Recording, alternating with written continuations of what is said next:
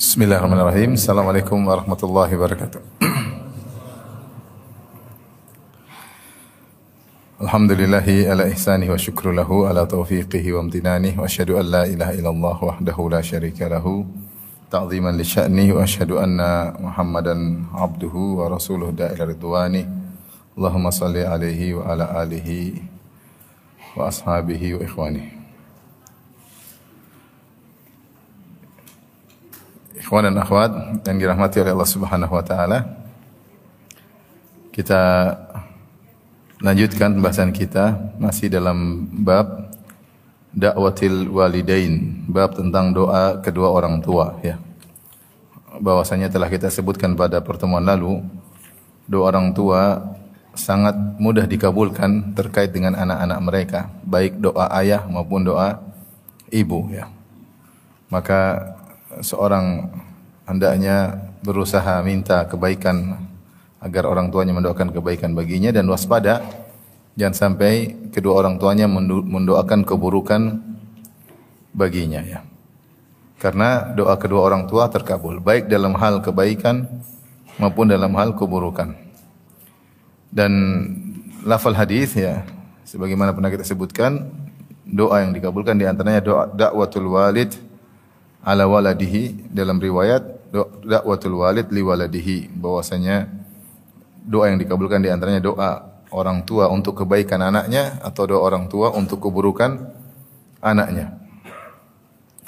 Dan pada hadis berikutnya Al Imam Al Bukhari rahimahullahu taala membawakan tentang doa keburukan orang tua terhadap anak yang dikabulkan. Itu tentang kisah Juraij, tentang kisah Juraij ahli ibadah dari Bani Israel.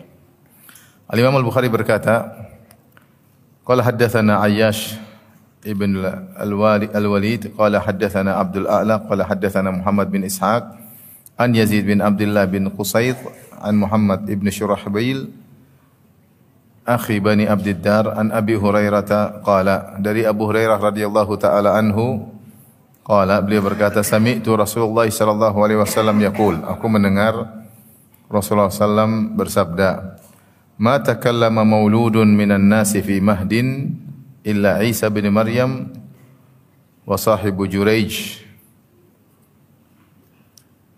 Tidaklah ada anak kecil yang masih digendong bisa berbicara kecuali Isa bin Maryam kemudian sahibu Juraij ya Kemudian ada yang ketiga nanti akan disebutkan insyaallah. Ini kata Nabi sallallahu alaihi wasallam ya. Maka ketika para sahabat mendengar tentang Sahibu Juraij anak kecil yang terkait dengan kisah Juraij, qila ya Nabi Allah wa ma sahibu Juraij? Maka ditanyakan kepada Nabi, "Ya Rasulullah, yang dimaksud dengan anak kecil yang terkait dengan Juraij itu siapa?" Karena kalau Nabi Isa mereka paham ya. Terus yang maksudnya dengan sahib Juraij itu siapa? Maka Rasulullah SAW pun menceritakan. Saya bacakan dulu hadisnya baru insya Allah kita jelaskan maknanya. Fa inna Juraijan Rasulullah menjawab, fa inna Juraijan kana rajulan rahiban fi sauma'atin sauma'atin lahu. Juraij adalah seorang rahib yaitu ahli ibadah dari kalangan ahlul kitab ini kejadian sebelum adanya Islam, sebelum adanya risalah Nabi Muhammad sallallahu alaihi wasallam. Beliau berada di Sauma'ah. Sauma'ah adalah semacam kuil yang dulu disyariatkan bagi umat-umat terdahulu, kuil eh, tempat yang agak tinggi untuk beribadah di situ, fokus beribadah di situ.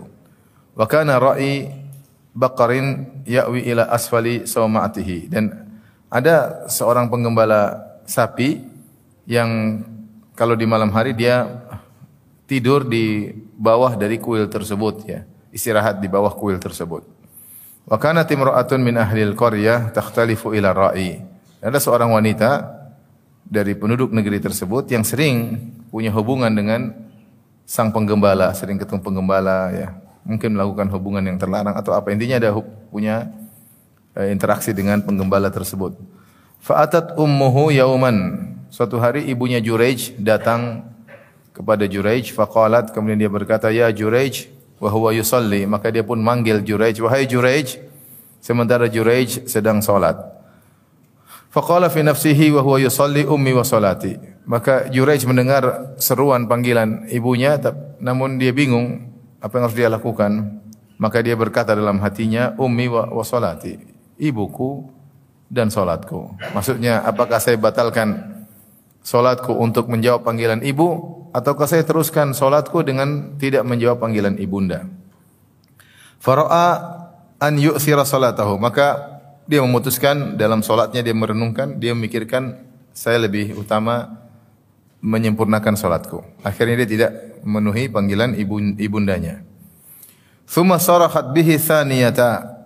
Ibunya teriak lagi, teriak. Ini sekarang sarahat, teriak. Ya Juraij dengan suara yang lantang. Mungkin ibunya di bawah teriak, tapi Juraij dengar. Faqala fi nafsihi maka Jurayj berkata dalam dirinya dalam batinnya ummi wa salati ibuku dan salatku. Mana yang harus saya dahulukan? Fara'a an yu'thira salatahu maka dia pun mandang mendahulukan salatnya lagi. Salat lebih dahulu.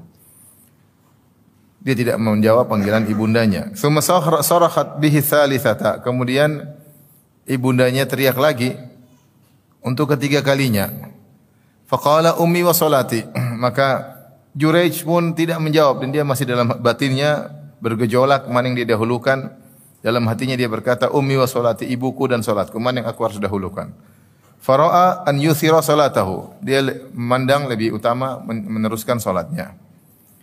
Falamma lam yujibha qala tatkala ibunya tahu Juraij tidak menjawab panggilannya sudah tiga kali, maka ibunya pun berdoa keburukan buat Juraij. Ibunya marah dan berkata, La amatakallahu ya Jureju hatta tanzura fi wajhil mumisat. Dan ibunya teriak didengar oleh Jurej. Wahai Jurej, semoga Allah tidak mewafatkan engkau sampai engkau melihat kepada wajah wanita pezina. Sampai kau melihat wajah para wanita pezina. Thuman sarafat, kemudian ibunya pun pergi. Fa'utiyal maliku bitilkal mar'ati waladat. Kemudian wanita tersebut ada wanita pezina tadi yang sudah bergaul berhubungan dengan penggembala sapi ya. Wanita tersebut datang dibawa ke raja dalam kondisi sudah melahirkan seorang anak. Lapor kepada sang raja, raja negeri tersebut. Faqala mimman maka raja bertanya kepada sang wanita, "Dari mana anak ini? Siapa yang menggaulimu? Siapa yang menzinahimu?" Faqalat min Juraij. Maka wanita ini ngaku-ngaku dia mengatakan ini anak dari hasil hubungan zina dengan Juraij. Qala asahibu sawma'ah Juraij sang ahli ibadah di kuil tersebut jadi dia terkenal ahli ibadah. Juraij ini ahli terkenal ahli ibadah di negerinya. Maka sampai raja pun kenal. Sang wanita mengatakan ini anak hasil zina dengan Juraij. Kata sang raja, Juraij yang yang ahli ibadah di kuil. Qalat na'am. Hmm, kata wanita tersebut, iya. Raja pun marah, raja berkata, "Ihdimu sauma'atahu wa'tuni bihi." Wahai anak buahku, hancurkanlah kuilnya dan datangkanlah Juraj kepadaku. Fadarabu sauma'atahu bil fu'usi hatta waqa'at. Maka orang-orang pun datang kemudian menghancurkan kuil Juraj dengan menggunakan kapak sampai akhirnya kuilnya pun hancur. Faja'alu yadahu ila unuqihi bihablin. Lantas mereka mengikat Juraij, mereka uh, membelenggunya dengan mengikat kedua tangannya di lehernya. Faman bihi, kemudian dibawalah ke raja. Di tengah perjalanan, famurra bihi ala mumisat. Juraij melewati tempat lokalisasi. Dilihat tempat lokalisasi banyak banyak apa namanya wanita-wanita pezina pengen lihat dia pada keluar lihat dia. Fara'ahunna fatabassama. Maka Jurayj pun melihat mereka. Lihat mereka di wajah-wajah wanita kemudian Jurayj tersenyum. Wah ini senyum. ini ahli ibadah kok lihat cewek pezina malah apa? Senyum. Wa hunna yanzurna ilaihi finnas dan mereka pun lihat Jurayj. Maka raja berkata, faqala al-maliku Mata zamu hadhihi? Bagaimana menurut tentang wanita ini? Wanita yang tadi ngaku berzina dengan Jurayj. Qala ma taz'um? Kata Jurayj, emang dia dia nuduh apa? Qala taz'umu anna waladaha minka. Dia mengaku bahwasanya putranya adalah dari hasil berzina denganmu. Maka Jurayj bertanya, "Anti taz'umin? Engkau mengaku bahwasanya aku menzinaihimu sehingga punya anak ini?" Qalat na'am, kata sang wanita, "Iya." Jurayj berkata, "Aina hadha saghir? Mana anaknya sini?" Qalu hadha fi hijriha. Itu yang ada di yang ada di pangkuannya. Fa aqbala alaihi fa qala man abuk? Maka Jurej pun memandang ke sang anak, dia ngobrol sama si anak kecil tersebut yang masih digendong. Maka Jurej berkata, "Man abuk? Siapa bapakmu?" anak ini jawab, "Ra'il bakar, pengembala sapi." Maka orang kaget semua. Karena ini karomah ya. Kok bisa anak kecil bisa ngomong ya? Nanti kita akan jelaskan. Qala al-maliku, maka sang raja berkata, "Ana ja'alu sawma ataka min dhahab." Raja pun menyesal, kemudian dia berkata, "Maukah kami bangun kembali kuilmu dengan emas?" Qala la, kata Jurayj enggak. Qala min fiddah. Maukah kami bangun kembali kuilmu yang telah kami hancurkan dengan perak? Qala la, kata Jurayj tidak.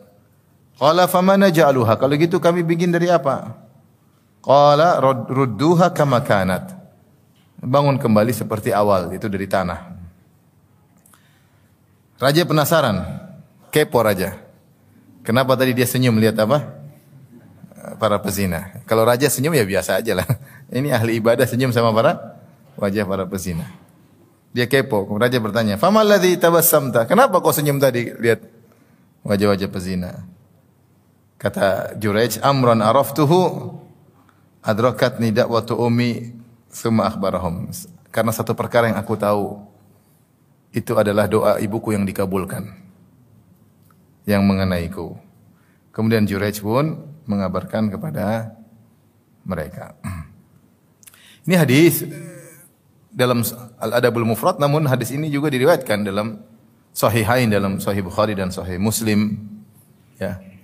Uh, kita akan bacakan lafalnya yang mungkin lebih lebih lengkap dan lebih uh, jelas ya. Dalam riwayat yang lain ini hadis berikutnya Al-Imam Bukhari membawakan lafal berikutnya. Dalam Al-Adab Mufrad juga.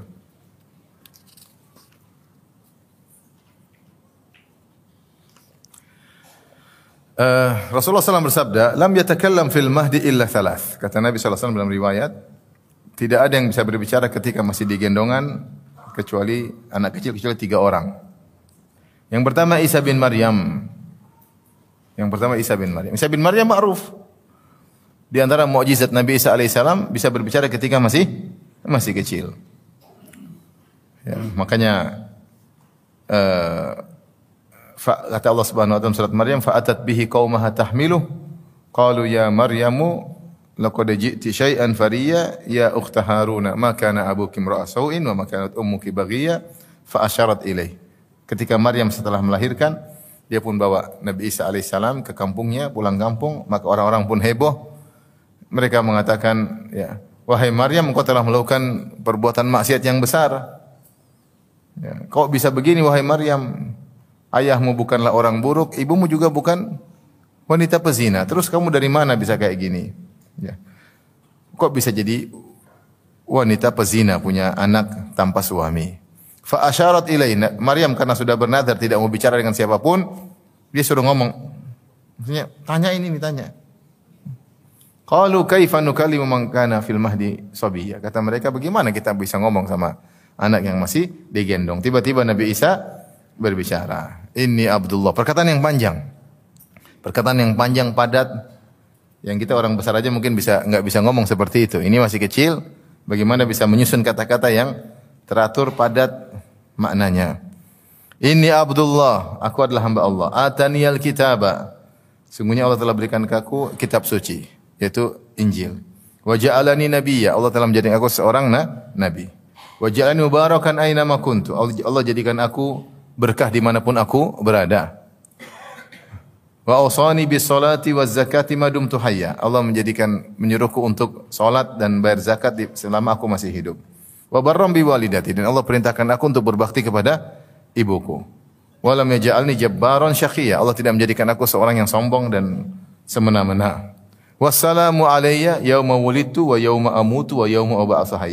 Keselamatan bagiku ketika aku lahir, ketika aku uh, hidup dan ketika aku di ketika aku mati dan ketika aku dibangkitkan. Selesai Nabi Isa berbicara. Ini mukjizat. Tidak kita temukan dalam Injil empat Injil yang ada dalam Bible sekarang ya. Mujizat ini mujizat luar biasa ya. Nabi Isa bisa ber, berbicara. Tidak ditemukan dalam Injil empat Injil yang ada, Injil Lukas, Markus, Matius, Yohanes. Enggak ada. Kita tahu bahwasanya Injil sangat banyak. Ada Injil-Injil yang diakui dan banyak yang tidak diakui lebih banyak. Injil dianggap Injil-Injil sesat, tidak memenuhi persyaratan mereka. Yang diakui empat ini tidak ada kisah Nabi Isa bisa ber, berbicara. Dalam sebagian Injil ada, tapi Injil yang dalam empat Injil dalam Bible yang Alkitab sekarang itu tidak ada ya. Makanya sebagian ulama mengatakan kita lebih memuliakan Nabi Isa dari sebagian orang-orang Nasara. Dari sisi kita mengetahui sebagian mukjizat yang Allah kabarkan dalam Al-Qur'an yang tidak disebut dalam dalam Alkitab. Tidak ada. Dan secara logika, mukjizat ini harus ada. Kenapa harus ada? Dijelaskan oleh para ulama. Karena uh, hukum rajam itu berlaku di Bani Israel. Hukum rajam berlaku di Bani Israel. Makanya ketika terjadi zina di kalangan orang Yahudi di zaman Nabi Shallallahu Alaihi Wasallam, itu di kota Madinah, maka orang Yahudi mereka rubah hukum. Kalau kalau bawahan orang-orang rendahan yang melakukan zina maka mereka rajam. Jadi masalah ketika pembesar-pembesar mereka melakukan zina. Maka mereka rubah hukum. Tidak dirajam, hanya dipermalukan, diarak di atas himar, kemudian dicoreng-coreng wajah mereka dengan warna hitam, diarak, dipermalukan. Sampai akhirnya mereka punya ide dalam sebagai riwayat mereka mengatakan terjadi perzinahan kata mereka. Coba kita tanya kepada Muhammad. Dia adalah nabi yang baik ya. Coba kita tanya dia, uh, hukumnya bagaimana rajam? Akhirnya mereka pergi menemui Nabi SAW. Kemudian Nabi mengatakan ada dalam kitab kalian, itu di Taurat. Datangkan Taurat. Akhirnya berarti datang Taurat. Nabi suruh baca, Nabi tidak bisa baca. Coba baca tentang masalah ini. Rupanya ketika mereka baca, mereka buka lembaran Taurat. Jadi lembaran mereka sampai sekarang kan masih panjang. Tauratnya dibuka lebar. Ketika tentang rajam ada yang nutup tangannya. Jadi tentang rajam rajam diloncat. Kata Abdullah bin Salam, Yahudi yang masuk Islam jadi sahabat, dia mengatakan suruh mereka angkat tangannya itu. Jadi angkat tangannya ternyata tulisan apa? Rajam. Maksud saya, rajam, kisos itu bukan baru dalam Islam, itu sudah ada sejak apa? Di Bani Israel. Seperti eh, kisos ya. Min ajli dzalika katabana ala bani Israil annahu man qatala nafsan nafsin aw fasadin fil ardi. Ya, Allah mengatakan ini. Dan seterusnya uh, sungguhnya di Bani Israel. Jadi masalah kisah, masalah rajam ada di Bani Israel. Maksud saya ketika jadi ini sudah ada di Taurat dan Nabi Isa alaihissalam termasuk dari Bani Israel dan mereka meneruskan hukum apa? Taurat. Nah, Maryam ketika melakukan dituduh berzina, punya anak tanpa suami, apa yang harus mereka tegakkan kepada Maryam? Harusnya di, di, di disiksa, dirajam atau di dera misalnya, ya, harusnya disiksa. Nah, bagaimana cara Maryam terbebaskan dari hukuman tersebut? Enggak ada cara lain kecuali Nabi Isa yang berbicara. Karena enggak ada bukti. Bagaimana? Enggak mungkin bilang ini anak, ini punya anak tanpa ada ayah, enggak mungkin. Yang bisa menolak persepsi mereka bahwasanya Maryam telah berzina Mau datangkan berbagai macam saksi nggak mungkin nggak punya apa? Nggak punya suami.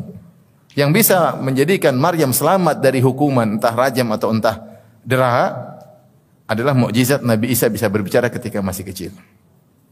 Sehingga mukjizat ini harusnya ada. Kalau nggak ada harusnya Maryam dia apa? Di derah.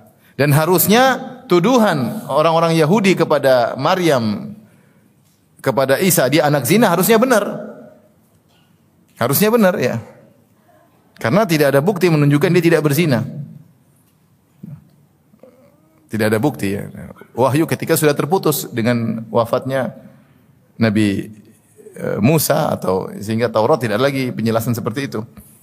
Oleh karenanya mukjizat ini adalah mukjizat yang harus ada dan ditetapkan oleh Al-Qur'an dan tidak terdapat dalam empat Injil tersebut yang saya sebutkan dalam Alkitab yang diakui oleh oleh mereka. Adapun kisah kecil masa kecil Nabi Isa kemudian dia bisa berbicara tersebut dalam sebagian Injil tapi Injil yang tidak diakui oleh oleh mereka.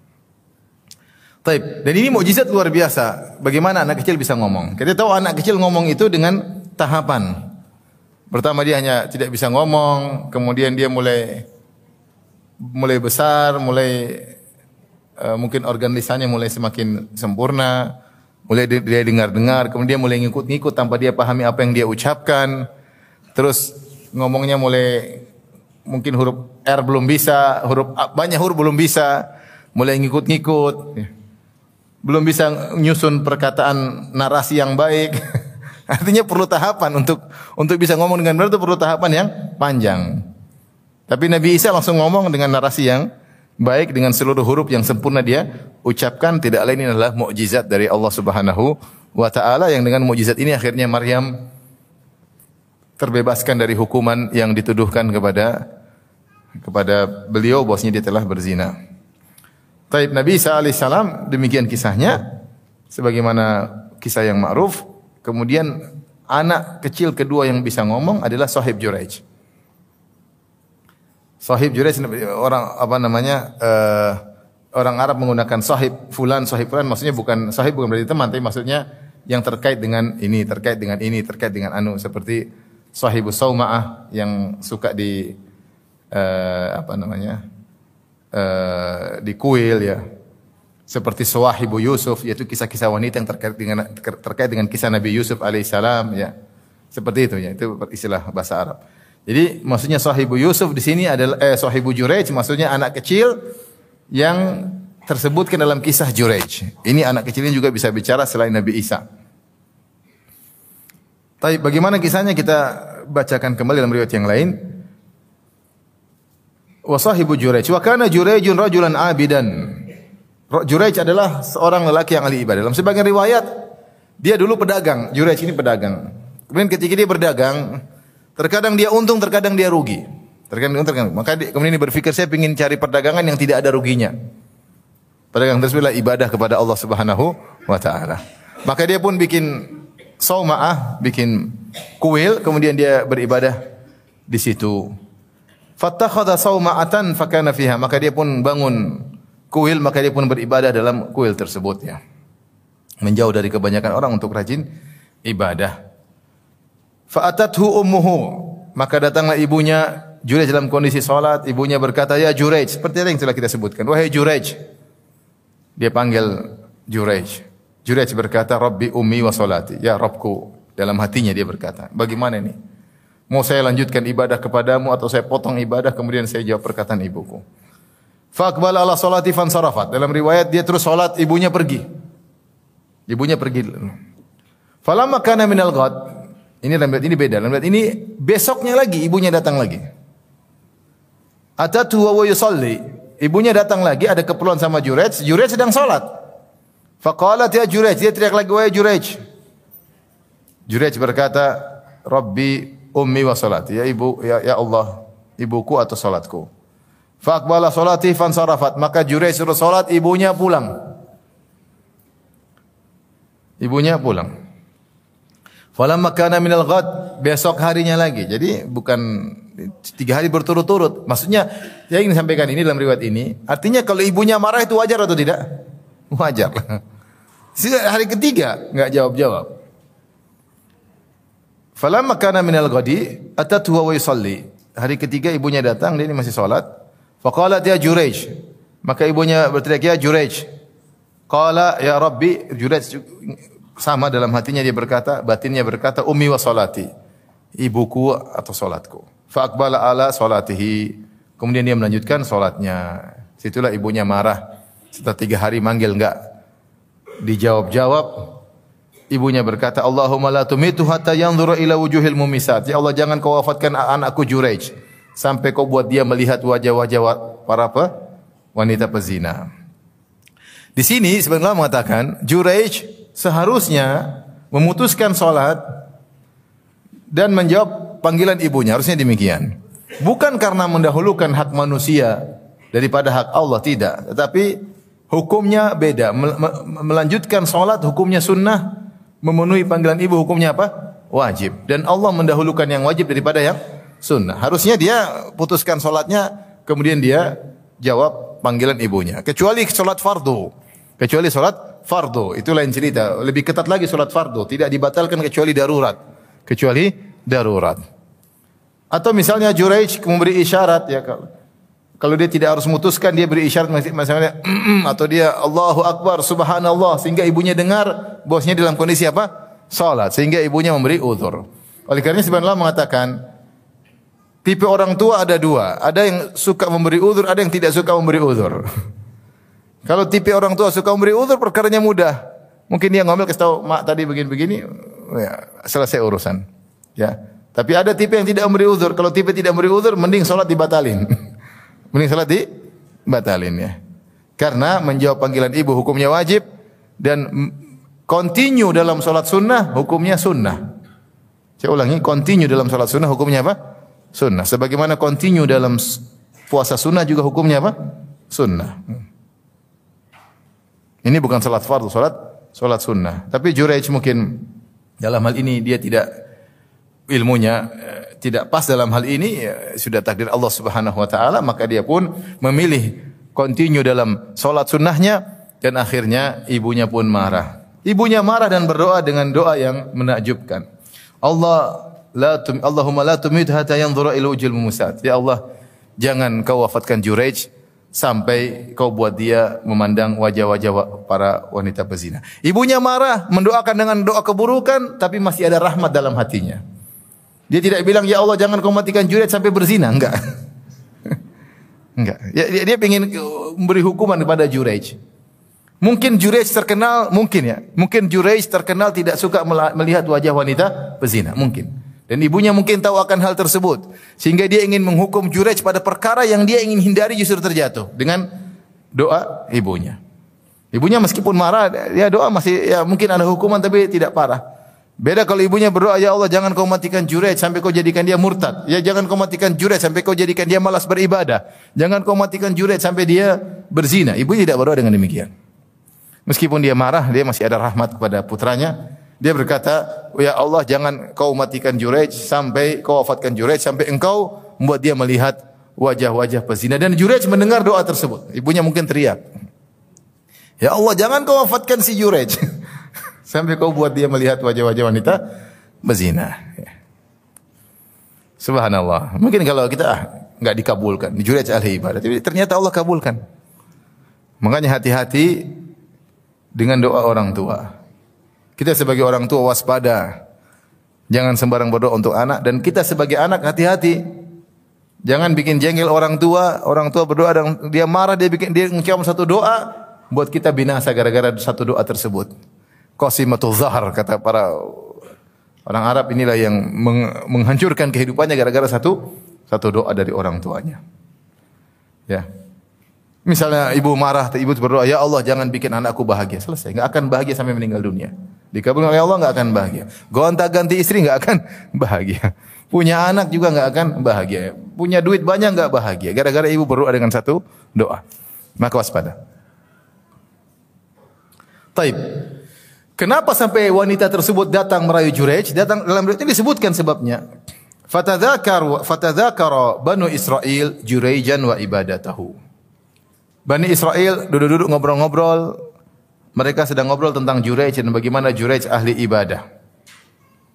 Mereka hasad rupanya sama Jurej. Mereka hasad sama Jurej. Wa kanat imra'atun baghiyun yutamathalu bihusniha. Perhatikan sini. Dan ada seorang wanita pezina, yutamatsalu bihusniha yang terkenal dengan sangat cantik. Artinya, tuh kamu jadi cantik loh kayak si fulana, maksudnya cantik banget. Jadi kalau orang sebut tentang kecantikan, inilah wanita pezina ini. Terkenal cantik. Sehingga cantikannya dijadikan sebagai masal, dijadikan sebagai yaitu suatu apa namanya? terkenal. Ya.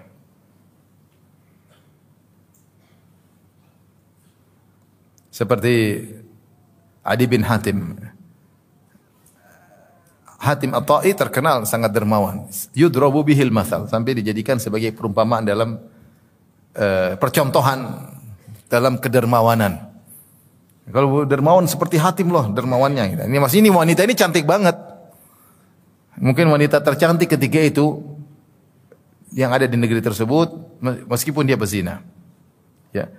Wa kanat imra'atun baghiyun yutamatsalu bi husniha. Faqalat maka wanita tersebut menawarkan diri kepada orang-orang yang sedang hasad sama Juraij tadi.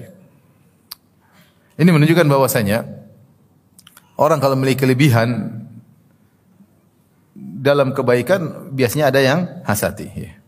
Kata Nabi wasallam dalam riwayat yang hasan fa inna kulladzi ni'matin mahsud. Semuanya seorang yang memiliki nikmat, memiliki kelebihan, memiliki dihasati, dihasati. Ya, dalam sebagian hadis kata Rasulullah SAW, ista'inu ala qada'i hawaijikum bil kitman. Jadi apa di antara usaha agar kalian bisa mewujudkan keinginan kalian dengan menyembunyikan keinginan tersebut. Jangan diceritakan kepada siapa siapa orang semua orang. Kenapa? Fa inna kulladzi ni'matin mahsud. Karena setiap orang yang punya nikmat pasti dihasati oleh orang. Karena kau cerita saya mau bikin ini, begini, begini, akhirnya ada yang hasad. Ada yang hasad dia akan menggagalkan. Dia akan berusaha menggagal atau mengganggu usahamu. Maka tidak semua cita-cita, tidak semua planning harus kita ceritakan sama orang lain ya. Karena fa inna kulladzi nikmatin mahsud. Karena setiap orang yang punya kenikmatan itu pasti ada yang hasati. Hadis dihasilkan oleh Syekh Albani rahimahullahu taala. Nah Jurej karena dia ahli ibadah, punya kuil. Apalagi disebut dalam riwayat dia tinggalkan perdagangan, meninggalkan dunia untuk sibuk beribadah kepada Allah Subhanahu wa taala. Banyak orang hasad. Mungkin yang hasad juga ahli ibadah juga, cuma ibadah mereka tidak seperti siapa? Jurej. Karena namanya hasad biasanya karena satu satu bidang itu hasad, terjadi hasad ya. Dan demikianlah ada ulama hasad sama ulama, penguasa hasad sama penguasa. Ya.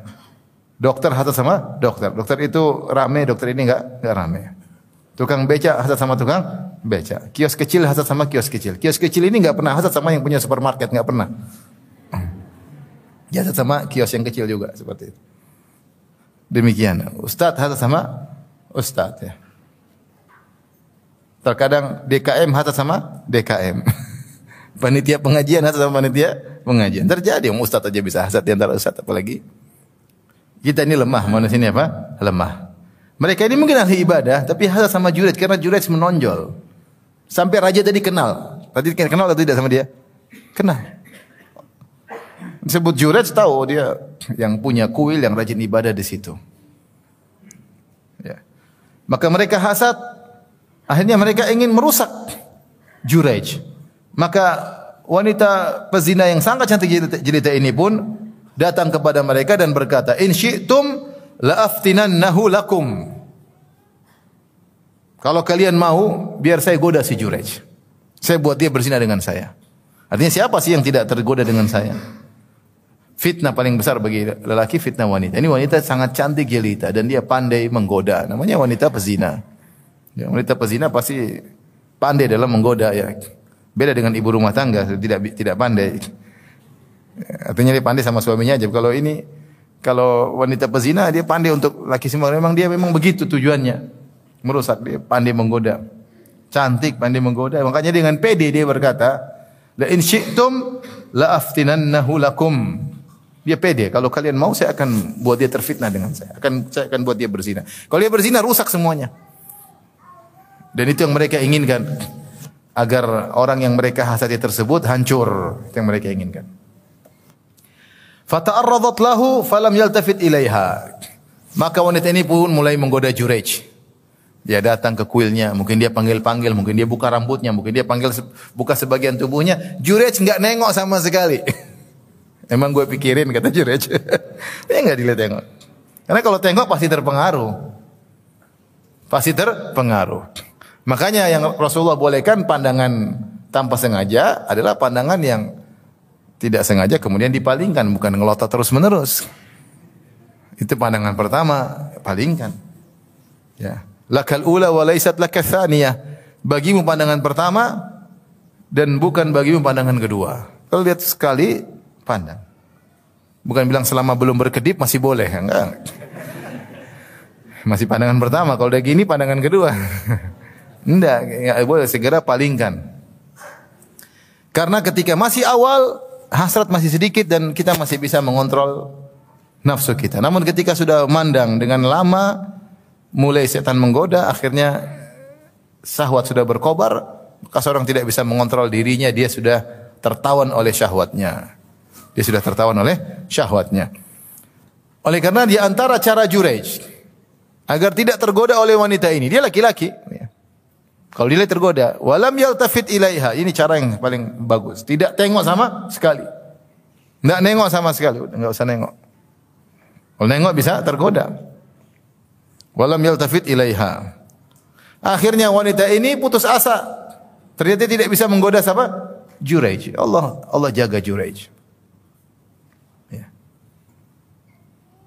Fa'atat ra'iyan kana ya'wi ila sauma'atihi fa'amkanathu min nafsiha. Maka wanita ini pun mendatangi penggembala penggembala yang biasa tidur di bawah kuil Jurej.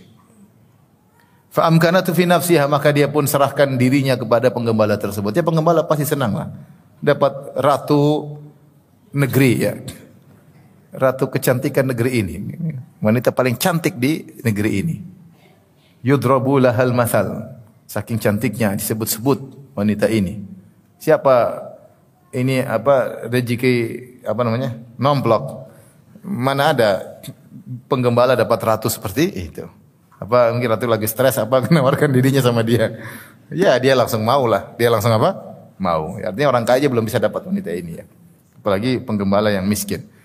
Akhirnya dia pun menggauli sang wanita, fawaqa 'alaiha Fahamalat akhirnya wanita tersebut mengandung. Falamma waladat tatkala dia melahirkan qalat huwa min Jurej, maka dia bikin isu ini dari Jurej. Dia kenapa dia dia malu? Dia malu, dia sudah dia sesumbar kan. Dia bilang sama orang-orang yang sama Jurej, kalian ingin kalau kalian mau saya akan bikin terfitnah. Ternyata tidak berhasil. Kalau tidak berhasil kan dia malu. Kamu gimana gagal? dia tidak ingin menunjukkan dia gagal. Dia harus menunjukkan saya berhasil. Maka yang penting berhasil. Akhirnya dia digauli sama sang penggembala dan akhirnya melahirkan. Ketika melahirkan ditanya ini anak siapa? Kata dia Jurej. Fa'atauhu fastanzaluhu. Maka mereka pun ngamuk, mereka pun datang kepada Jurej. Dalam riwayat disebutkan kepada raja atas perintah raja. Fastanzaluhu maka mereka turunkan Jurej dari kuilnya. Wahadamu sauma'atahu kemudian mereka hancurkan kuilnya. Wa ja'alu yadribunahu, mereka pun pukul Jurej-Jurej bingung ada apa ini? Masya'nukum, kenapa kalian mukulin saya? Qalu zanaita bihadzal baghi falwadat minka. Kau telah berzina dengan wanita ini dan dia telah melahirkan anakmu. Wah, Jurej dipukulin, diturunin, dipaksa, dizalimi. Faqala aina sabi? Kata Jurej, mana anakku? mana anak itu? Mana anak itu? Faja'u bihi faqala. Mereka pun datang anak membawakan anak tersebut faqala Da'uni hatta usalli. Hatta usalliya. Dihadirkan anak tersebut di hadapan Jurej. Kata Jurej, beri kesempatan bagi saya untuk saya solat. Fasalla, maka dia pun solat. Dan ini dalil bahwasanya kalau kita dalam kondisi kondisi terdesak, kita solat. Ya, solat. Dalam hadis, karena Nabi SAW, idha hazabahu amr, fazia ila salat. Rasulullah SAW kalau menghadapi perkara yang me, me, me, apa namanya penting beliau sholat. Beliau sholat. Orang bilang ada yang bilang sholat hajat lah sholat apa. Pokoknya dalam kondisi dalam kondisi penting kita hendaknya apa? Sholat. Meminta kepada Rabbul Alamin. Jurej mau mau bilang bagaimana? Orang semua percaya sama wanita pezina tersebut. Ya. Tidak ada tes DNA ketika itu. Ya udah mau diapain? Maka dia hanya bisa berpasrah kepada Allah Subhanahu wa taala dia bilang izinkan aku salat. Fasalla, kemudian dia pun salat. Falaman sarafa ketika selesai salat atas sabiyya fata'ana fi batnihi. Kemudian dia mendatangi anak kecil tersebut, kemudian dia tekankan jarinya di perut anak tersebut.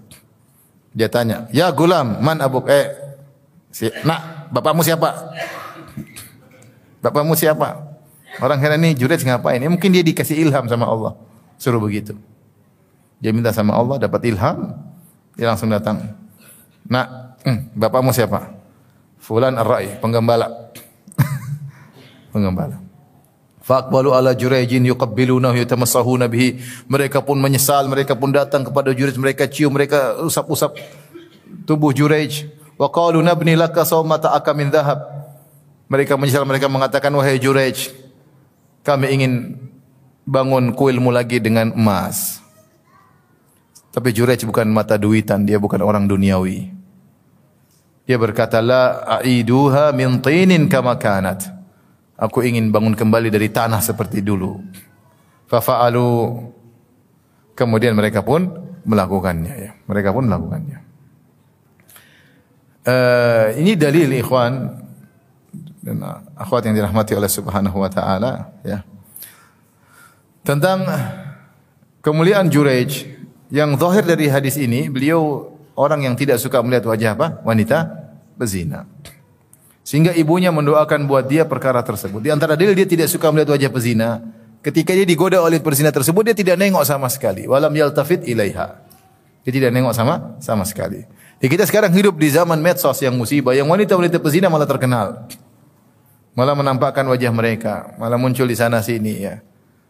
Bahkan sudah berzina tidak punya malu dan macam-macam ya. Kemudian kita memandang wajah sebagian kita, bukan kita. Sebagian kita memandang wajah mereka. Waliyadzubillah. Ini adalah perkara yang uh, perkara yang buruk ya. Memandang wajah uh, wajah mereka.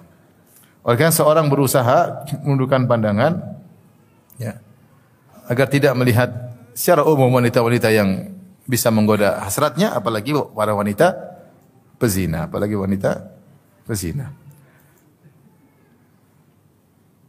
Dan ini juga dalil bahwasanya bahayanya doa orang tua. Orang tua kalau berdoa dengan doa yang buruk bisa saja dikabulkan oleh Allah Subhanahu wa taala. Dan ini juga menunjukkan keutamaan Jurayj bagaimana beliau tidak menjadikan dunia sebagai orientasi kehidupan beliau. Seandainya dibangunkan dari emas, ada masalah, hadiah buat dia, cuma dia tidak mau. Dia ingin dengan tanah, ya. Dia ingin dengan dengan tanah. Taib, ini orang kedua yang anak kecil yang bisa berbicara. Yang ketiga, Rasulullah sebutkan orang anak kecil yang ketiga.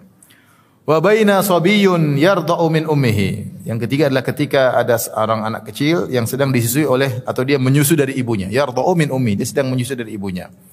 Famarra rajulun raqibun ala dabbatin farihatin syaratin hasanatin. Tiba-tiba ada seorang lelaki naik tunggangannya yang mewah, mungkin dihiasi dengan pelananya, dengan mantap lah orang kaya raya. Ibunya duniawi, faqalat ummuhu, ibunya berkata, Allahumma ja'al ibni mithla hada. Ya Allah, ibunya langsung berdoa, ya Allah, jadikanlah putraku seperti itu orang. Siapa sih nggak pingin anaknya orang kaya? Siapa di antara kita pingin anaknya orang miskin? Nggak ada. Kita pingin anaknya orang, anak kita orang kaya, terpandang, naik mobil keren, ya. mobilnya mahal, ya, platnya, nomornya, ya, B1B. Pokoknya pingin anak kita duniawi. Eh, rata-rata manusia seperti itu. Makanya kalau anaknya terlambat sekolah diomelin, tapi kalau terlambat sholat nggak diomelin. Orang tua banyak seperti itu. Ibu ini wajar, dia mungkin orang wanita soleh, tapi dia pingin anaknya seperti itu, nggak ada masalah. Dia berdoa, Ya Allah jadikanlah anakku seperti lelaki itu keren, naik kuda dengan pelana yang mahal, kemudian terkenal. Semua orang lihat sama orang terkenal, orang semua lihat sama dia. Maka tiba-tiba fataraka dia anaknya yang tadi nyusui, kemudian tadinya netek, dia lepas puting susu ibunya. Wa aqbala ilaihi fanadhara ilaihi. Kemudian anak itu ngelihat laki-laki yang naik kuda tadi. Lihat lihat kepada laki-laki tersebut, kemudian dia berdoa, Allahumma la taj'alni mithlahu. Ya Allah, janganlah jadikan aku seperti dia.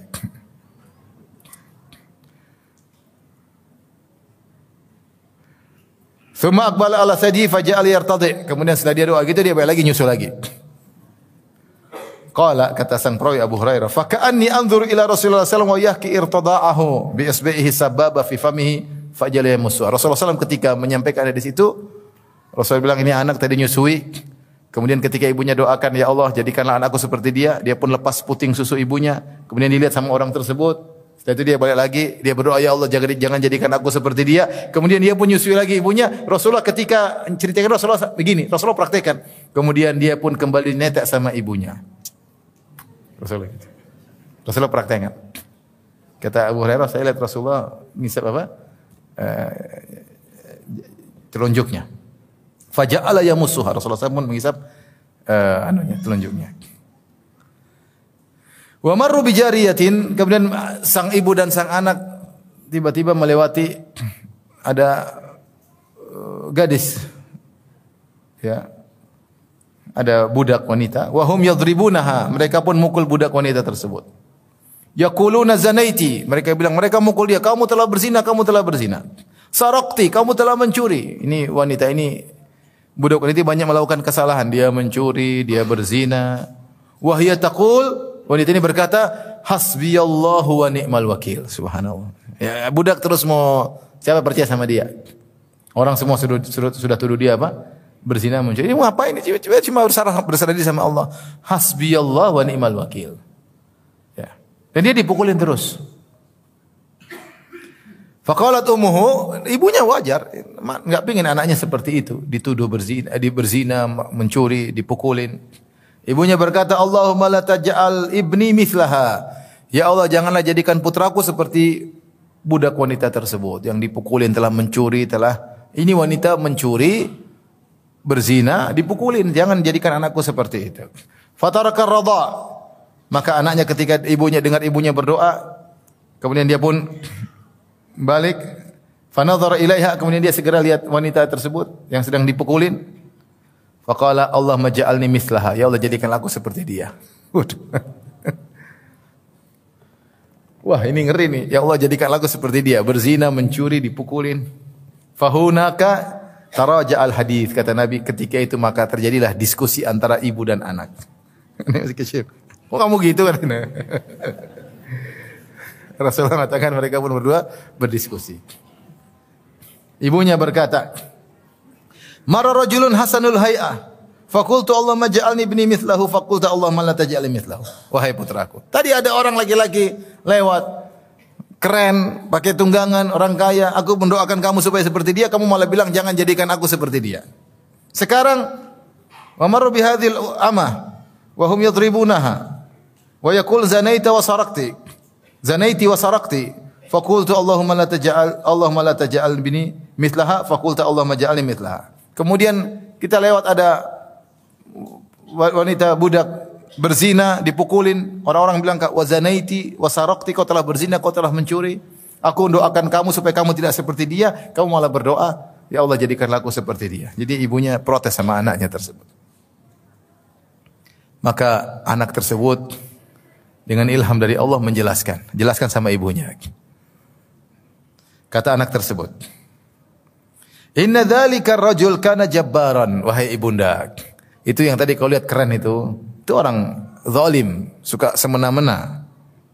Maka aku berkata, Allahumma la taj'alni mithlahu. Ya Allah jadikan jadikan aku seperti. Jangan ibu lihat dohirnya aja dia keren. Ternyata itu zalim.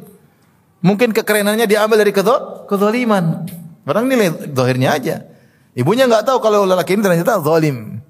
Suka berbuat, lalim, sewenang-wenang sama masyarakat. Maka aku berdoa, ya Allah janganlah jadikan aku seperti dia. Wa inna hadhihi yaquluna laha. Adapun wanita yang ibunda lihat dipukulin, mereka mengatakan zanaiti walam yazni. Walam tazni. Mereka bilang mengatakan sama dia kamu telah berzina padahal dia tidak berzina. Wasarakti. Mereka mengatakan kamu telah mencuri walam tasdik. Sungguhnya dia tidak mencuri. Fakultu Allah ja'alni mithlaha. Maka aku berdoa ya Allah jadikan aku seperti wanita tersebut. Yaitu bersih dari zina dan bersih dari apa? Pencurian. Ini dalil bahwasanya apa yang kita dalam kenyataan di alam semesta ini ada orang dihinakan belum tentu hina di sisi Allah. Dan apa yang kita di alam semesta ini ada yang dimuliakan belum tentu mulia di sisi Allah Subhanahu wa taala. Wallahi demi Allah saya tahu sebagian orang, saya tahu dengan keyakinan dimuliakan oleh banyak orang. Ternyata dia hina di depan mata saya. Saya tahu karena saya tahu, tahu persis tentang hal tersebut. Ya. Dan saya tahu ada sebagian orang dihinakan, tapi dia mulia di mata saya karena saya tahu orang tersebut. Oleh karenanya bukan berarti kalau orang semua memuji kita kemudian kita mulia di sisi Allah secara hakiki belum tentu. Bukan jadi ada orang dihina, dituduh macam-macam, belum tentu dia hina sebagaimana yang kita persangkakan. Belum tentu. Makanya dalam Al-Quran Allah mengatakan uh, khafidatun rafi'ah.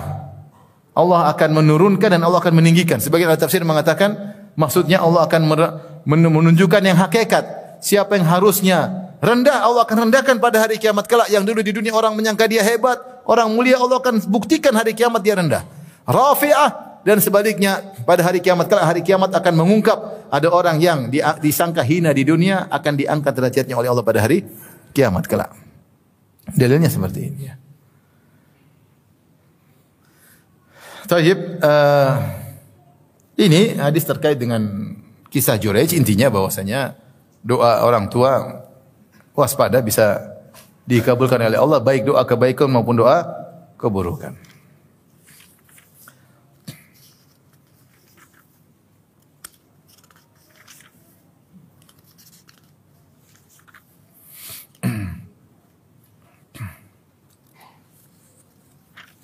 Ada masalah fikih cuma saya nggak ingin bahas di sini. Tapi uh, eh, bab berikutnya satu bab lagi. Babun ardul Islam alal ummin nasraniyah. Bab tentang menawarkan Islam kepada ibu yang Nasrani. Menawarkan Islam kepada ibu yang Nasrani.